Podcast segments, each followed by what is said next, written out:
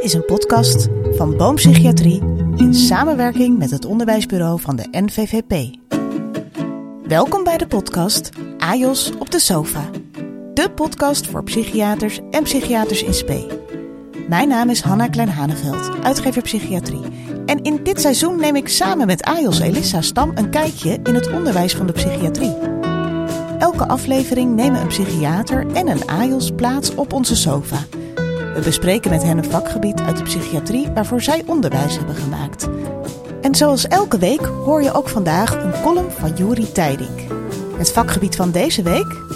Sociale psychiatrie. Ik ben niet heel stoer, zeg maar. Dus ja, als we een huisbezoek gaan doen, ik zeg ook altijd, uh, voordat we erheen gaan, zeg ik van, uh, joh, als één van ons zich niet veilig voelt, we kijken elkaar aan en we gaan allebei weg. Hè, en met, met wie ik ook daar sta, ik uh, probeer dat eigenlijk altijd even van tevoren af te stemmen. Dus ik probeer het vooral altijd heel goed te voorkomen. Hanna, waar zitten we vandaag? We zitten in de Domus Medica in Utrecht. Uh, de Domus Medica is, zoals de naam al een beetje laat horen, het huis waar alle verenigingen van Nederlandse artsen in, in Nederland huizen. En we zijn hier te gast bij de NVVP, de Nederlandse Vereniging voor Psychiatrie. Ja, die zo aardig was om ons een uh, dag een kamer te verschaffen om onze podcast op te nemen. En we hebben denk ik een heel erg leuk duo gevonden om de dag mee af te trappen. Eefje Suk, psychiater en opleider voor het aandachtgebied sociale psychiatrie bij Arkin. En Annemijn Ajos in opleiding en volgens mij nu bezig met haar aandachtsgebied kind en jeugd, als ik het goed zeg. Welkom. En we gaan het hebben, Hanna, over sociale psychiatrie. Ja. En ik denk direct een openingsvraag voor jullie. Is sociale psychiatrie het equivalent van de crisisdienst of is het nou toch een beetje meer? Het is toch een beetje meer. Ik moet zeggen dat toen ooit iemand tegen mij zei, een werkbegeleider, toen ik een opleiding was, jij bent echt geschikt voor de sociale psychiatrie, had ik eigenlijk geen idee waar ze het over had. Ik denk, wat betekent dat nou eigenlijk, sociale psychiatrie? Ja, is psychiatrie niet altijd sociaal? Ja, uh, inderdaad. Uh, maar sociale psychiatrie is eigenlijk en de crisisdienst, maar ook uh, juist bijvoorbeeld het werken bij vakteams, waarin je heel breed denkt met verschillende ketenpartners, de patiënt echt in zijn omgeving ziet en ehm, vanuit daar bekijkt van uh, wat je kan doen om het leven in ieder geval van de patiënten te verbeteren. En wat trok jou aan in de sociale psychiatrie toen je werd gevraagd om met dit onderwijs mee te werken?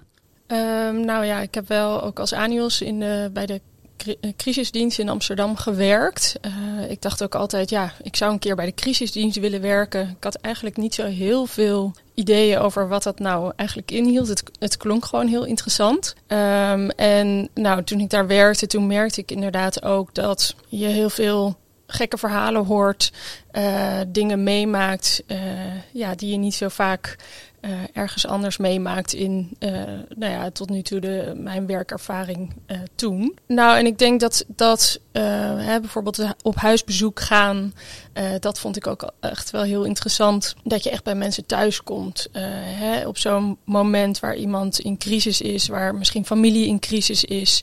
Je hebt ook vaak niet alleen de patiënt, maar ook het systeem eromheen. Ja, waar je echt wel wat kan betekenen.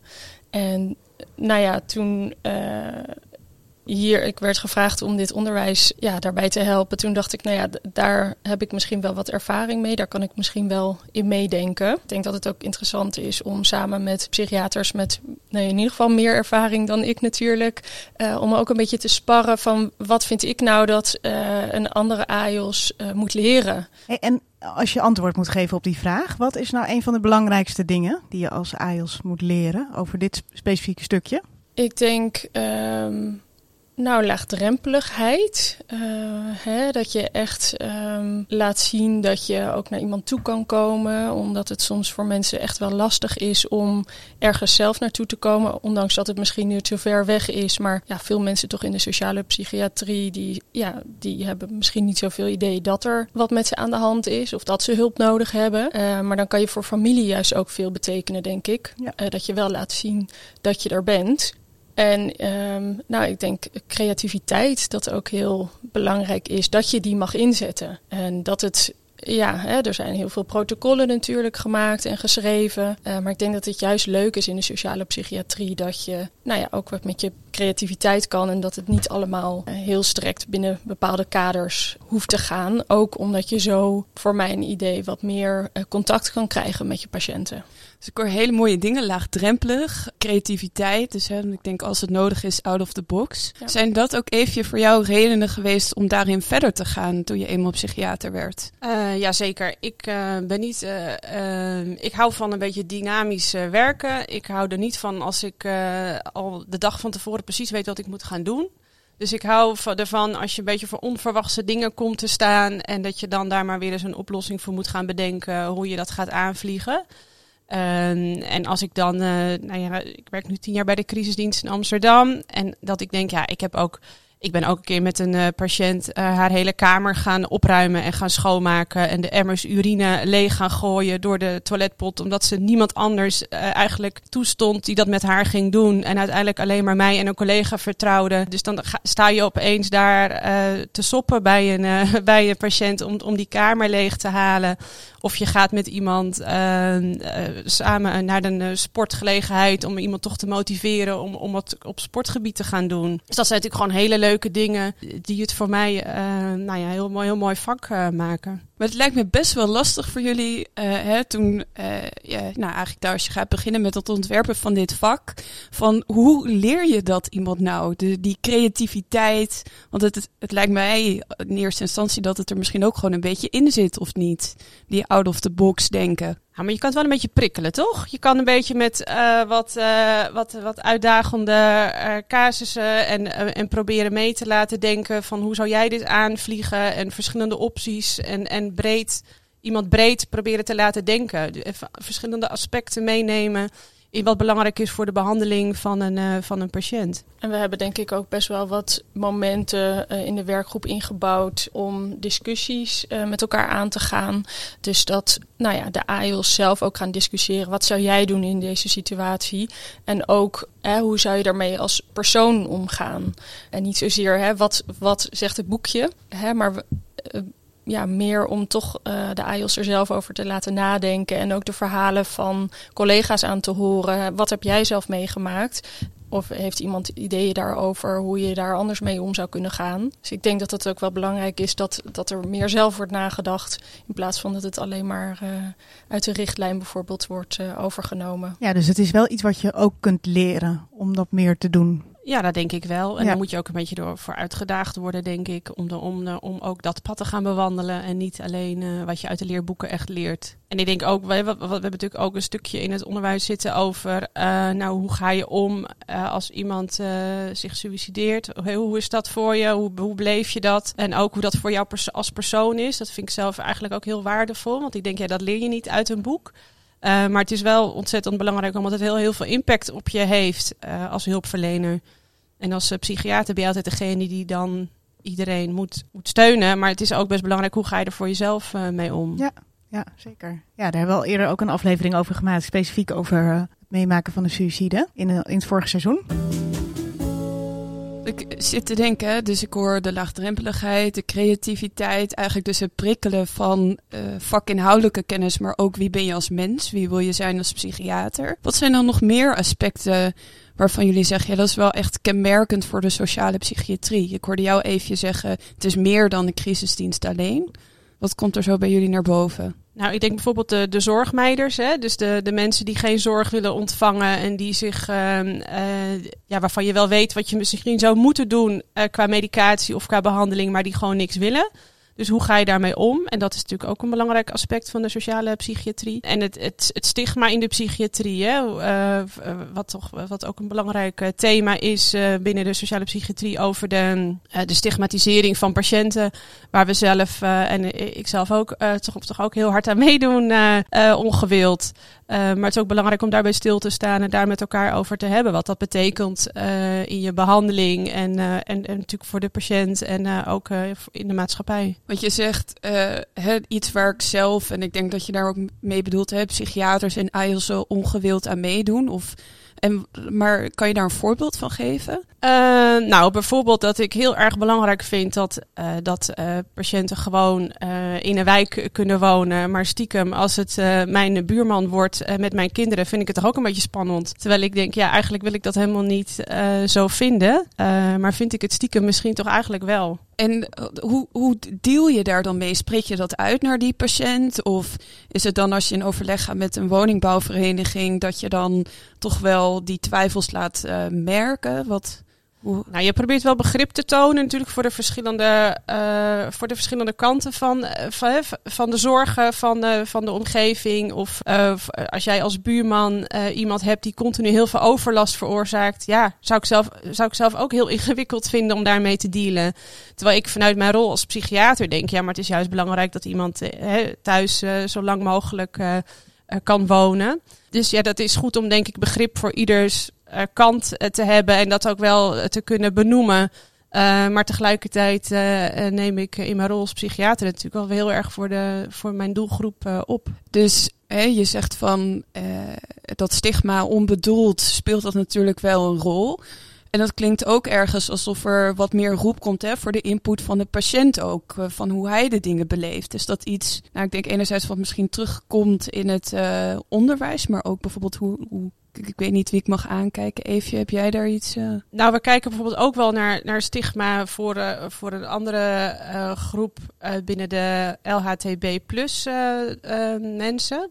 Waarbij we ook dat eigenlijk willen meenemen in het onderwijs. Van hoe vraag je nou genderidentiteit uit? En ook wat voor rol heeft dat op, op stigma eigenlijk? Hè? Op het stigma en, en op wat voor rol heeft dat in de behandeling?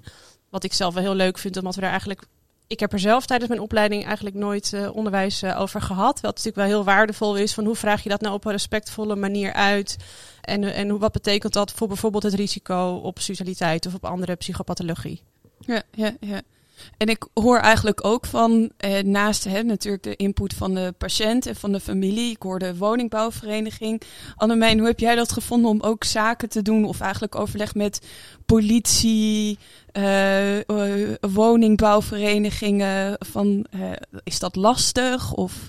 Ja, nou, we hebben daar ook inderdaad een stuk over in uh, um, het onderwijs eigenlijk. Dat er ook een heel overleg komt met uh, verschillende ja, mensen eigenlijk om uh, de patiënt heen. Dus ook wijkagent, inderdaad, woningbouwvereniging. En nou ja, ik heb daar zelf eerlijk gezegd niet zoveel ervaring in met bijvoorbeeld de woningbouwvereniging. Maar uh, ik denk zeker uh, ambulancepersoneel en politieagenten, daar zie je ook wel vaak toch verschil in uh, hoe zij omgaan met psychiatrische patiënten. Dus laatst bij de kliniek uh, waar ik heb gewerkt was er een politieagent die in opleiding was. En die heeft zelf aangevraagd of hij een aantal dagen bij ons kon meelopen om te kijken hoe gaat dat nou. En nou ja, daar word ik zelf heel blij van. Omdat ik denk dat er toch echt wel een heel stuk mist. Um, en dat vertelde die ook, dat ze daar eigenlijk zo weinig ja, over leren. Terwijl het een heel groot deel, denk ik, van hun vak is. Uh, dus ik denk dat het heel waardevol is om, ja, ik denk dat het vooral belangrijk is dat psychiatrische patiënten ook mensen zijn um, die een bepaalde ziekte hebben. Net als dat je een somatische ziekte kan hebben.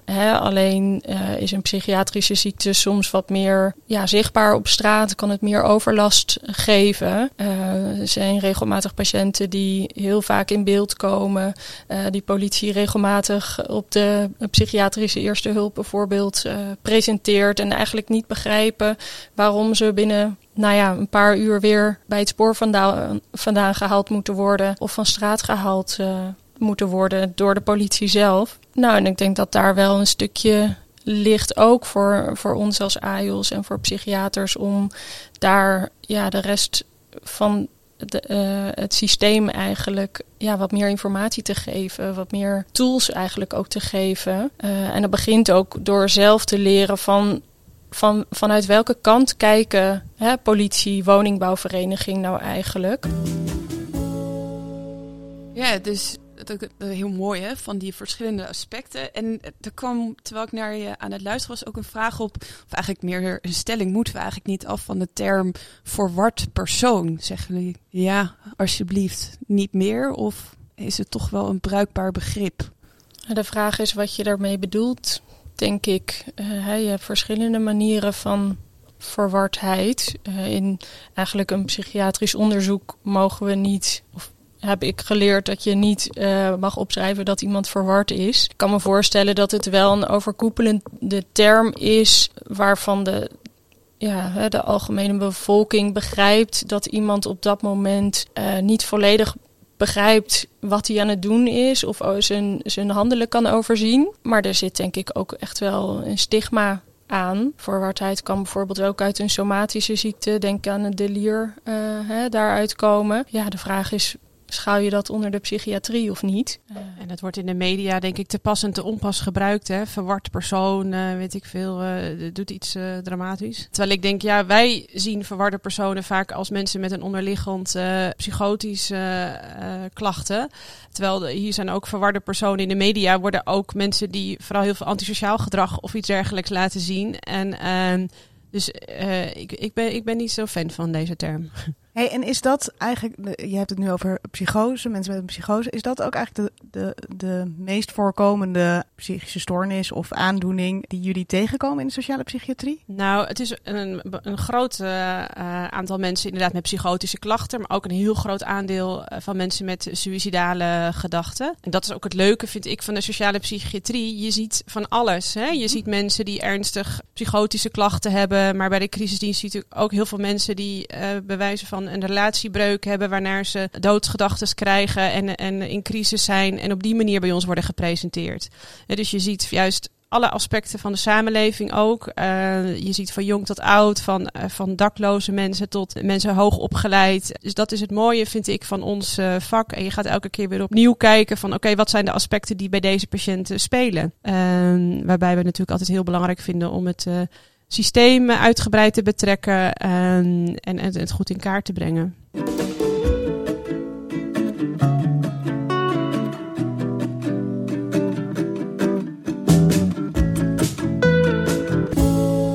Column gesproken door Juri Tijding. Het afvoerputje van de psychiatrie.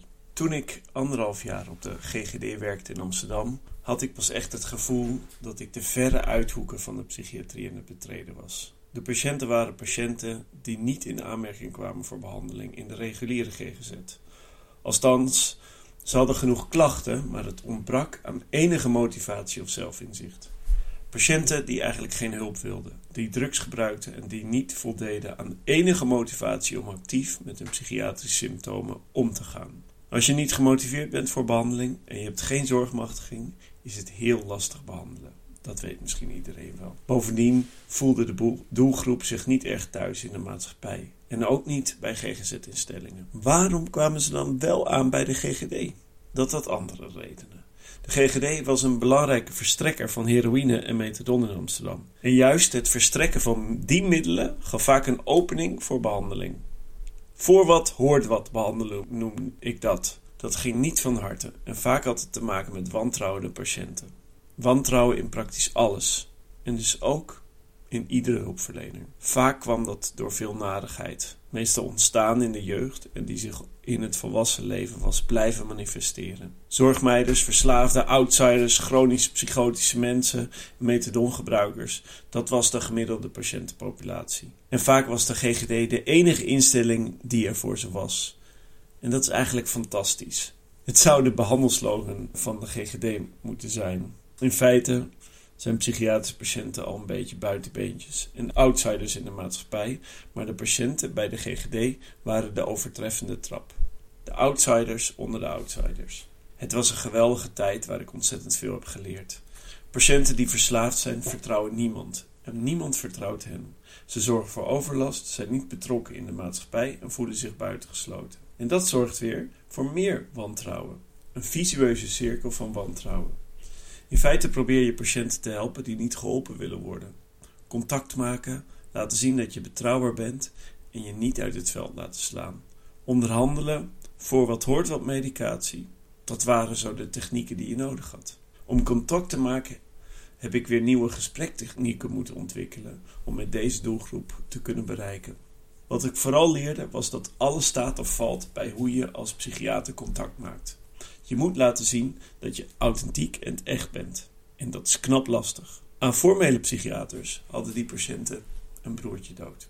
Waar ik ook bewondering voor kreeg, zijn de hulpverleners die al jarenlang met deze categorie werken. Niet alleen moet je om kunnen gaan met hele beperkte behandelresultaten, ook heb je een dikke huid nodig om patiënten te blijven helpen, motiveren en met energie en toewijding bij te staan. Of het nu gaat over het vinden van een vaste woonplek of het verhogen van de dosering van heroïne of methadon, patiënten zijn niet dankbaar. De voldoening als hulpverlener haal je echt uit de betekenis die je er zelf aan geeft. Aan jouw hulpverleners energie en aan de minuscule succesjes die je soms boekt. Muizenstapjes. En voorkomen van verslechtering of het voorkomen van toename van drugsgebruik of van het kwijtraken van een huis of opvang. En ook al zijn het muizenstapjes, het voelde altijd als een kleine overwinning die we met een zekere trots met elkaar deelden. Dat klinkt best wel idealistisch en dat was het ook. En het is misschien iets te rooskleurig geschetst. Ik voelde me naast de trots op de muizenstapjes ook dagelijks onmachtig. Onmachtig om iemand te helpen. Onmachtig om hulpafwijzers te motiveren om hulp te accepteren. Deze ervaringen hebben me verder laten ontwikkelen als psychiater. Niet alleen ergens werken waar patiënten echt niet geholpen willen worden, maar ook ervaren hoe kwetsbaar dit rafelrandje van de maatschappij is en hoe ernstig ziek onze patiënten soms ook kunnen zijn. Het klinkt misschien gek, maar ik was best wel trots om te werken bij het afvuurputje van de psychiatrie.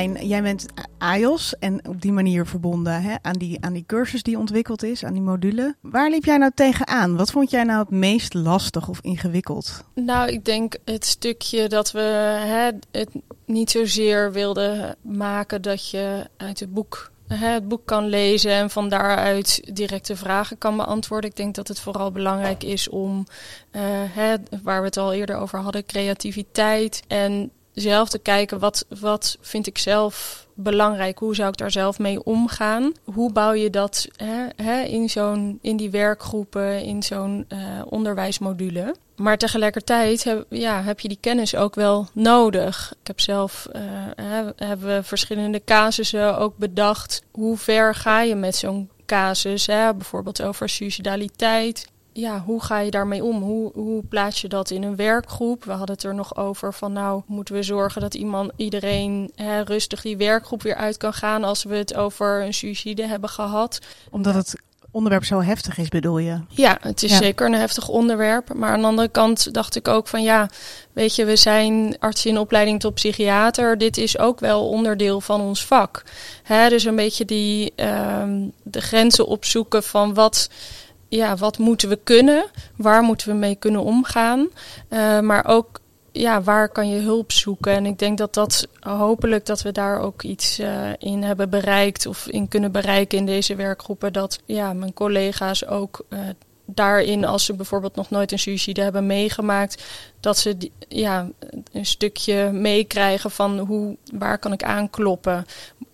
Weten dat je het niet allemaal zelf hoeft te doen. Want het, ja, er, zijn mooie richtlijnen voor en werkafspraken. Maar ik denk dat het vooral ook belangrijk is dat je zelf weet hoe kan ik daar zelf mee omgaan. En dat je ook weet dat je zelf daarin mag zoeken hoe je daarmee omgaat. Dat dat niet uh, voor iedereen hetzelfde is. Eefje, denk jij ook dat, dat het lastigste is voor de AIOS om om te gaan met dat soort hele heftige dingen? Uh, nou ja, ik weet nog wel toen ik zelf ook bij de crisisdienst ging werken, vond ik het best wel heel spannend. Hè? Dat je denkt van, ik was bang dat ze sowieso dat je om de havenklap allemaal suicides had. Ik denk, oh, dat lijkt me echt verschrikkelijk. Dus ik denk dat het wel goed is om dat soort, uh, ook juist om daar aandacht voor te hebben. Hè? Van uh, wat betekent dat dan en als het gebeurt, hoe, hoe is dat dan? En, ja, en ik, ik, sluit aan bij wat Annemijn zegt. Ik denk dat, dat, dat we daarom ook daar aandacht aan hebben besteed van meer wat, wat leer je nou niet in de boeken, maar wat is wel belangrijk om mee te nemen als je straks als uh, psychiater uh, in de sociale psychiatrie uh, werkt. om, om, dat, om die kant vooral eigenlijk te, te belichten. Dat klinkt eigenlijk ook heel mooi in van blijf in gesprek ook met elkaar als collega's. Niet alleen inhoudelijk van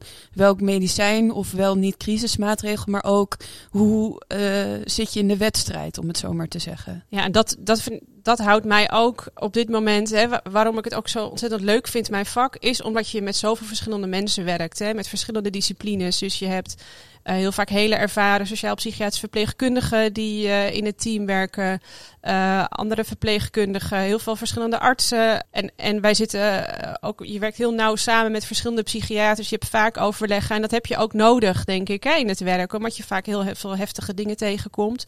Is het ook belangrijk dat je altijd je collega's hebt op wie je kan, kan terugvallen. En suïcide is natuurlijk inderdaad een, een, een heftig uh, iets. En bijvoorbeeld geweld vanuit psychose, is dat ook iets waar dat in, aan bod komt bij het onderwijs? We hebben het wel over ook hoe je nou een huisbezoek aanvliegt. Hè? hoe, nou, waar, waar let je op? waar, ga je, waar ga je staan bij wijze van? Hè? Om daar ook aandacht voor te hebben. Van hoe doe je nou een, een huisbezoek op een op een goede manier. Uh, dus op dat, op dat uh, vlak komt dat uh, ook aanbod in de cursus.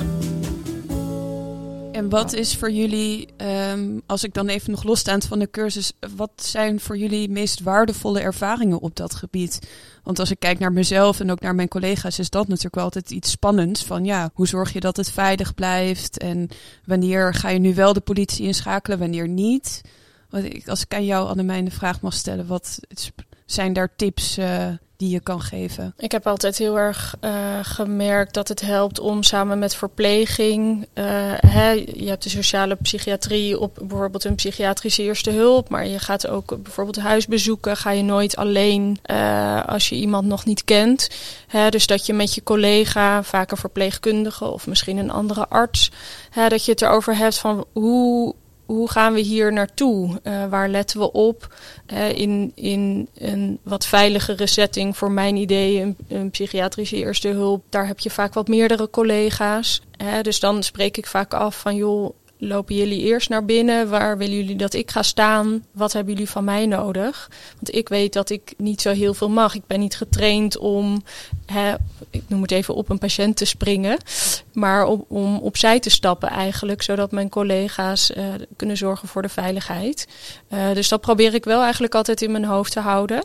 Uh, op een huisbezoek is dat anders. Hè? Dan ben je vaak maar met z'n tweeën. Maar is ook belangrijk om dat voor te bespreken. En als je het echt hè, niet vertrouwt of iemand wil de deur niet open doen, ga je dan de politie bellen of ga je dan terug en ga je een ander plan bedenken om bijvoorbeeld een andere keer langs te gaan, waarmee je misschien andere collega's uh, mee kan nemen.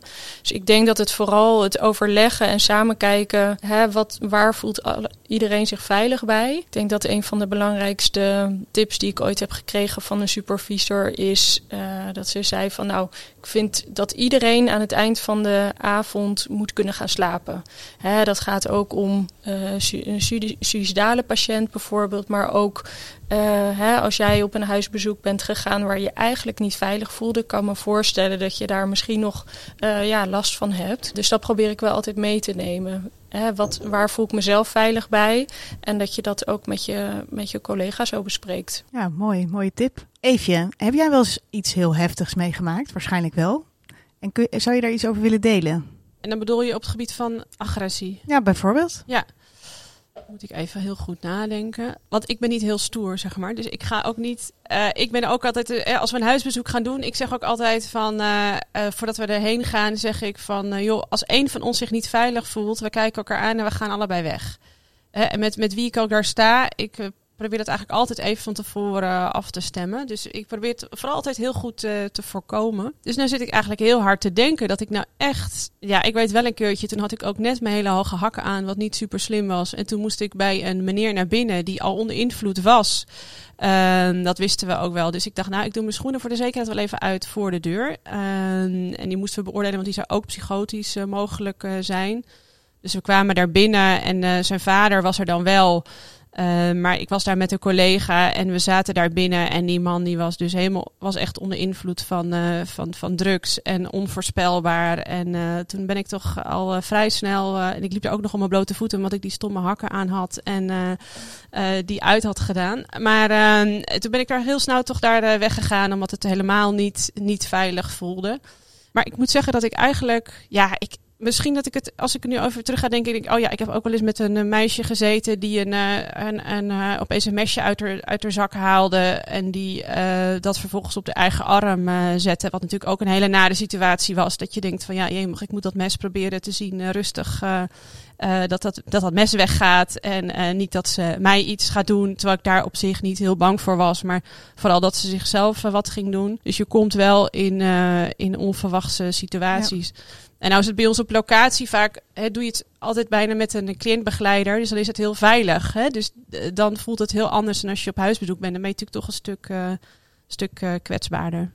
Spannend beroep dus, soms. Soms eh, is het heel spannend, maar de, de- het, het, het grappige vind ik tegelijkertijd ook weer als je mij deze vraag stelt, dan moet ik eigenlijk best wel heel hard nadenken, omdat het ook, omdat we het toch ook vaak dus toch ook wel weer heel beheersbaar maken of zo.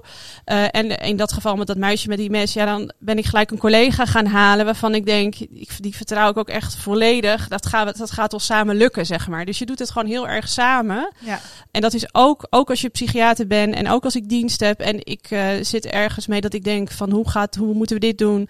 Dan kan je op je collega's heel makkelijk eh, terugvallen. Hè? Dus eh, ook dat ik dan gewoon collega-psychiater bij wijze vanuit zijn bed bel. Wil je nog even meedenken over dit of dit? Dus in die zin is het, klinkt het soms heel spannend, de crisisdienst eh, of, of sociale psychiatrie. Maar juist vanwege die collegialiteit, denk ik, voelt het ook weer alsof je het heel erg samen doet, waardoor het heel goed te verdragen is. En is het dan juist een stage of eh, die je aan het begin van je opleiding zou moeten doen? Of loont het ook om er wat mee te wachten, zodat je wat meer bagage hebt vanuit eh, andere stageplekken of werkplekken? Nou, stiekem vind ik het allerleukst als mensen eerst als ANIOS bij ons werken, zoals Annemijn. En die dan eh, vervolgens later in hun stage, als ze in opleiding zijn, aan het eind van hun stage terugkomen. Want dan kijken ze vaak toch opeens op een andere manier. Hebben ze natuurlijk veel meer kennis eh, gekregen en eh, staan ze op een andere manier in, in, in, het, in het werk. Maar wij ook eh, heel veel ANIOS'en die echt net klaar zijn met de opleiding en eh, die, het, die het ook prima doen. Dus in die zin is het denk ik wel een hele mooie kans als je juist dat aan het einde van je opleiding doet, omdat je het allemaal een beetje kan integreren, alle kennis die je opgedaan hebt. Maar is het zeker niet een no-go om dat eh, ook aan het begin van je opleiding te doen, want ook dan eh, loodsen we iedereen er doorheen. En je juist de bagage van het samenwerken, van het beheersbaar maken, het teamspel opdoet in de sociale psychiatrie. Ja. En, en bij ons proberen we ook voor de AJOS dan bijvoorbeeld ook nog ruimte te maken om een soort superviserende rol te nemen. Juist omdat je ook met heel veel jonge collega's werkt. Dus om dan ook ruimte te geven aan AJOS van joh, als je nu als psychiater zou werken, hoe zou jij het aanvliegen? En een soort tussenwachtrol voor de AJOS te creëren. En dat wordt ook wel heel erg gewaardeerd eh, om op die manier eh, nou ja, nog extra aan het eind van je opleiding eh, dat mee te kunnen nemen. Ja, dus eigenlijk een plek ja, waar je op alle momenten van je, van je opleiding en zelfs daarvoor dus eh, een heleboel kunt leren. Dat is, eh, dat is zeker duidelijk geworden. Ja, en ik denk dat het ons een stuk duidelijker is wat de sociale psychiatrie nou is en wat voor moois eh, de AJOS staat te wachten bij het onderwijs over sociale psychiatrie. En eh, het zit er weer op. Bedankt voor het luisteren. Vind je deze podcast interessant? Volg ons dan ook op Instagram via @ajos op de sofa of op LinkedIn. Verder helpt het ons enorm als je een review achterlaat. En de podcast tipt aan je collega's, vrienden, familie. Eigenlijk aan iedereen die psychiatrie leuk vindt. Meer informatie over de podcast vind je via www.boompsychologie.nl slash ajos. Tot de volgende aflevering. Dan gaan we het hebben over kinder- en jeugdpsychiatrie. Dank jullie wel voor eh, de openheid van, eh, over het onderwijs, over jullie eigen ervaringen. Graag gedaan. Ja, hartelijk dank voor het gesprek. Dank voor de uitnodiging.